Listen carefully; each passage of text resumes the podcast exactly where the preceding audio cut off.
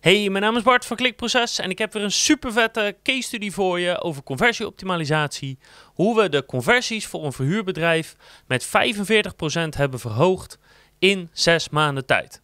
Dus als je inspiratie zoekt, als je concrete tips wil hebben, als je precies wil weten wat we hebben gedaan en waarom we dat hebben gedaan, dan is dit helemaal perfect voor jou.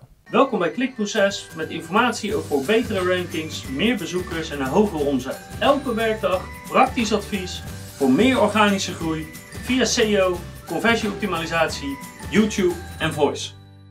En dan hoor ik je meteen denken van ja, plus 45% is leuk, maar als er weinig bezoekers zijn of al weinig conversie is, dan is plus 45% niet zo ingewikkeld om te halen.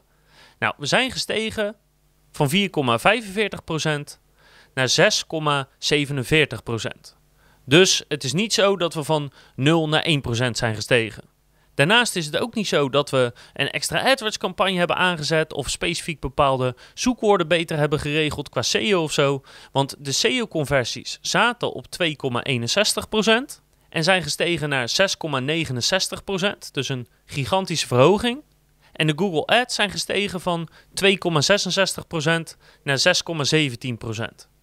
Dus gemiddeld genomen van 4,5% naar 6,5%.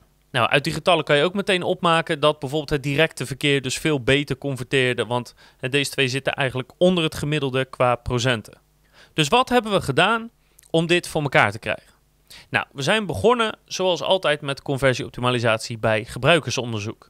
En in dit geval hebben we een aantal van de belangrijkste funnels op de website gepakt en gekeken waar zit de frictie. Waar komen mensen niet goed doorheen? Wat moeten we beter maken? Welke stappen of welke punten om te zorgen dat die conversie omhoog gaat?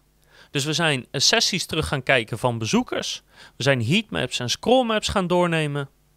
Daarnaast hebben we clickmaps gebruikt. We hebben een expert review gedaan en form analytics om uiteindelijk het aanvraagformulier te bestuderen. Nou, alles wat uit dat onderzoek kwam, dat hebben we eigenlijk in kaart gebracht en geprioriteerd. En in dit geval was er geen aanvullend onderzoek nodig, zoals een usability test of, of daadwerkelijk met mensen praten, want hier kwam eigenlijk al genoeg uit. En wat we vooral zagen, is dat de problemen eigenlijk zaten in het offerteformulier en in het reserveringsformulier. En met name door er gewoon zelf naar te kijken, zagen we al dat heel veel best practices misten, dat hier niet echt een optimalisatie aan vast zat. En dat betekent dat we niet heel ingewikkeld hoeven te gaan doen en heel veel mensen uitnodigen en vragen wat klopt er niet, uh, klopt dit niet, klopt dat niet. Nee, aan die tools en aan onze eigen ervaring hadden we genoeg om te weten dat er op die formulieren nog een hoop te halen viel. En daarom hebben we ook een aantal zaken gewoon direct doorgevoerd. En aanvullend hebben we een paar testen gedaan.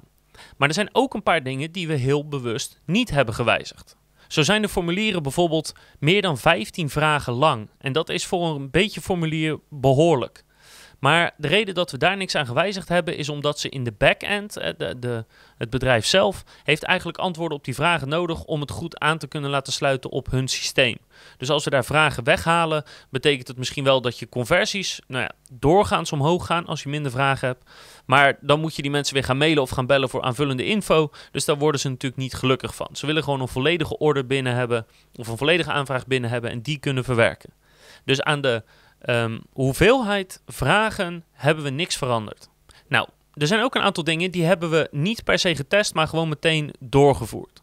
En de, dat doe je niet vaak, maar er zijn een aantal redenen om dingen gewoon meteen door te voeren zonder te testen. Eén uh, is als je functionele dingen tegenkomt, dus dat een knop niet werkt, dat je iets niet kan invoeren, of dat met een bepaalde browser een bepaald vakje of dingetje niet goed werkt. Ja, die lossen we altijd op zonder te testen.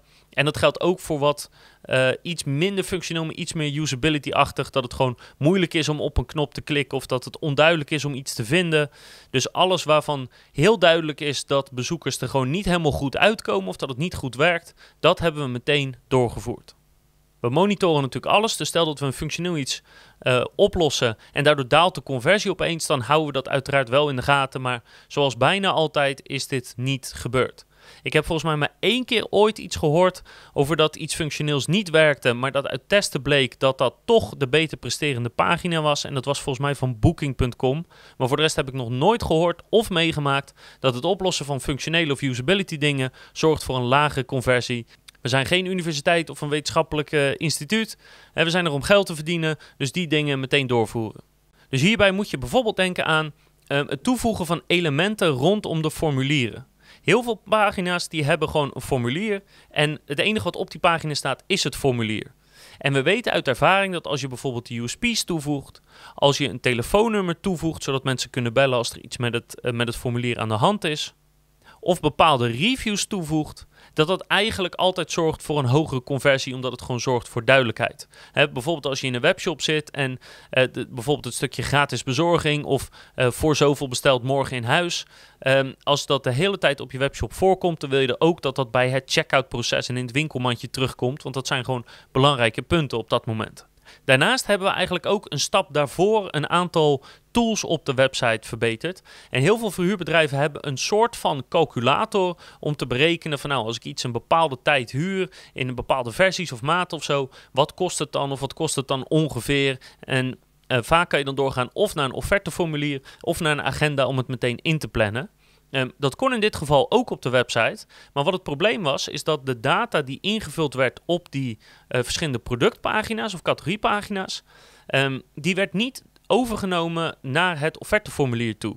Dus als je invulde van nou, ik wil iets huren van dan tot dan, uh, en deze versie in deze maat en deze aantallen, et cetera, en je klikt op offerte aanvragen, dan kreeg je daarna weer een leeg scherm als het ware, waarin je dezelfde info opnieuw moest invullen en dan nog wat extra dingen. Nou, dat is natuurlijk een functioneel ding, dat, dat slaat nergens op. Dus uh, op het moment dat je uh, iets invult op een productpagina, iets calculeert, maakt niet uit wat dan ook, uh, en je drukt op de offerte-knop of op de reserveren-knop, dan wordt dat automatisch overgenomen, zodat je veel minder velden hoeft in te vullen. Die data hebben we wel zo gelaten dat je nog steeds kan wijzigen. Dus mocht je je toch bedenken of toch nog iets anders willen proberen, dan uh, kan dat nog steeds. En de reden daarvoor is ook dat in het uh, reserveringsformulier of in het offerteformulier zijn bepaalde zaken specifieker. En dan komen er soms ook foutmeldingen bij of aanwijzingen.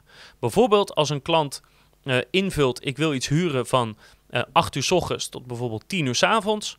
Um, dan komt het bij verhuurbedrijven vaak voor dat ze zeggen, nou, tot 10 uur is eigenlijk twee dagen. Hè? Want, want dagen bij ons gaan van 8 tot 9 uur.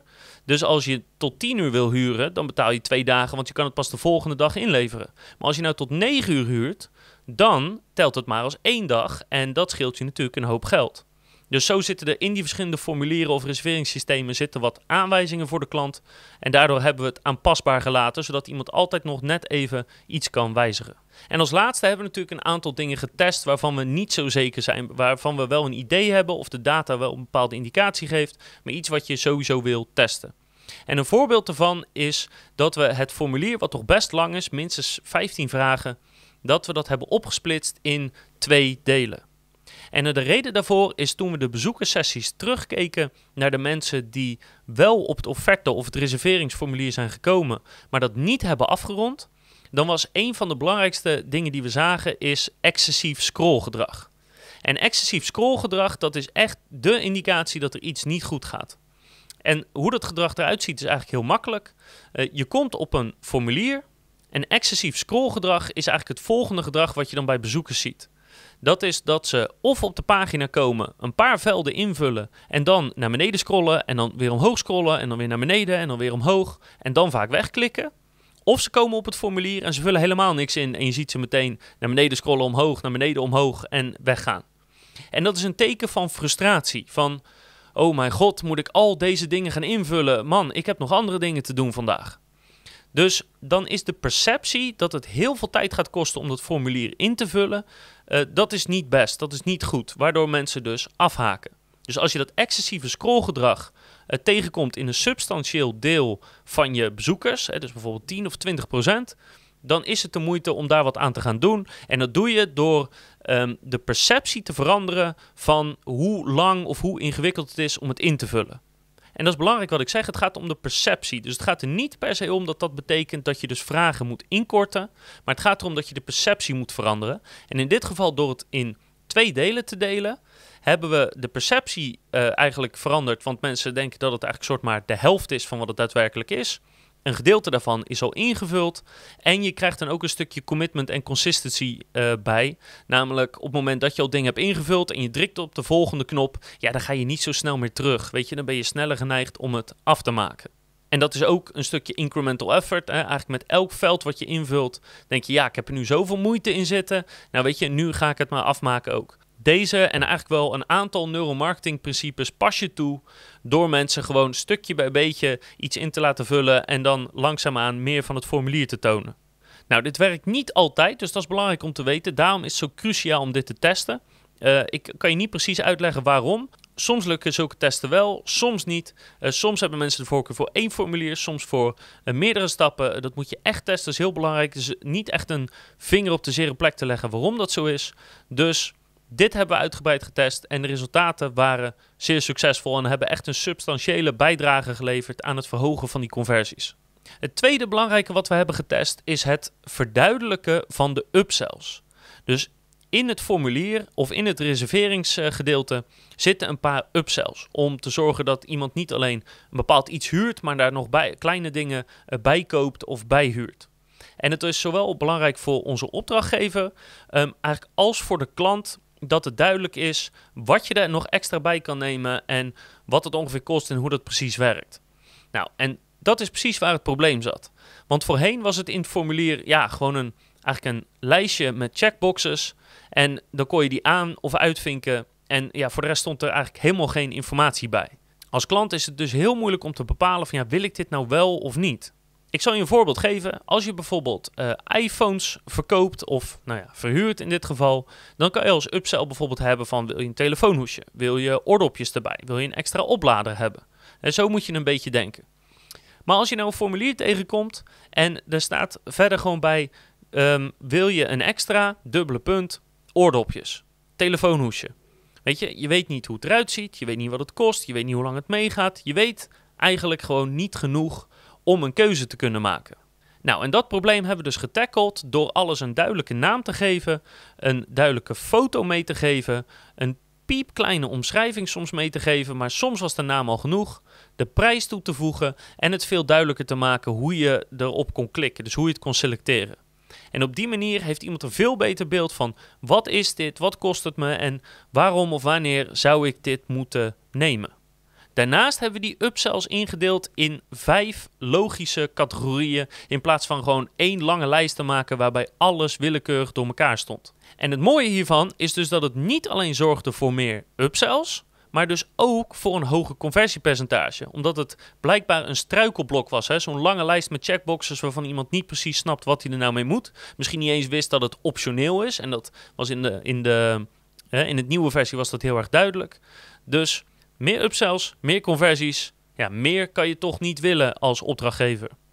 En dit zijn de belangrijkste dingen die we hebben veranderd om dus in zes maanden die conversies zo erg te verhogen. En dat heeft dus vooral met die formulieren te maken. Nou, weet dat er in elk formulier heel veel frictie zit. Of je het nou hebt over checkout proces, een offerte aanvragen, een reservering doen.